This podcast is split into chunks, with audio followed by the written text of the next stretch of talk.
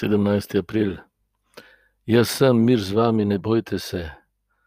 Jaz sem, ne bojte se. Jaz sem z vami, ne bojte se.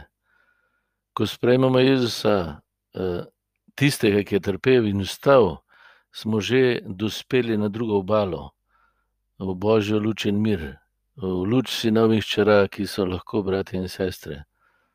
Ker je on zmagal nad smrtjo, ki iz nas dela egoiste in sovražnike.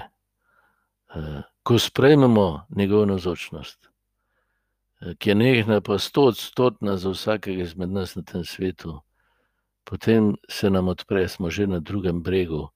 Morja, morje kot simbol uh, smrti, trpljenja, preizkušenj, stisk, so večinoma posledica našega egoizma in strahu zase. Ne, tudi narava zaradi tega, po mojem, trpi sto procentno, kar je danes z ekološkega vidika še bolj očitno. No, ampak eh, Kristus eh, hodi po morju. Ne, najhujši vihar, veter, ki je pihal za učence, je bilo to, da so Jezusa razbili pred njihovimi očmi, da so ga ubili. Učenci so bili sto procentni, da je to potop, potem pa vidijo ravno obratno da je to vir moči in začetek polnosti, iz katere lahko živijo in zajemajo. In so tudi sami vir trdnosti za druge, zaradi Jezusa, ne? ker imamo njega, smo to.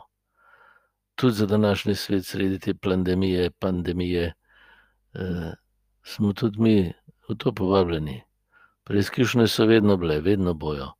Človeška prestrašena pamet zase nima meja v fantaziji, kako drugim povzroča trpljenje. Ampak še močnejša, neskončno je pa božja fantazija, ki zelo tako premaga, da se mu pusti premagati. No, to skrivnost se mi zdi nas vabi. Tudi Jezus, ki se nam zdi, da je prikazan, v resnici pa eh, najbolj resničen.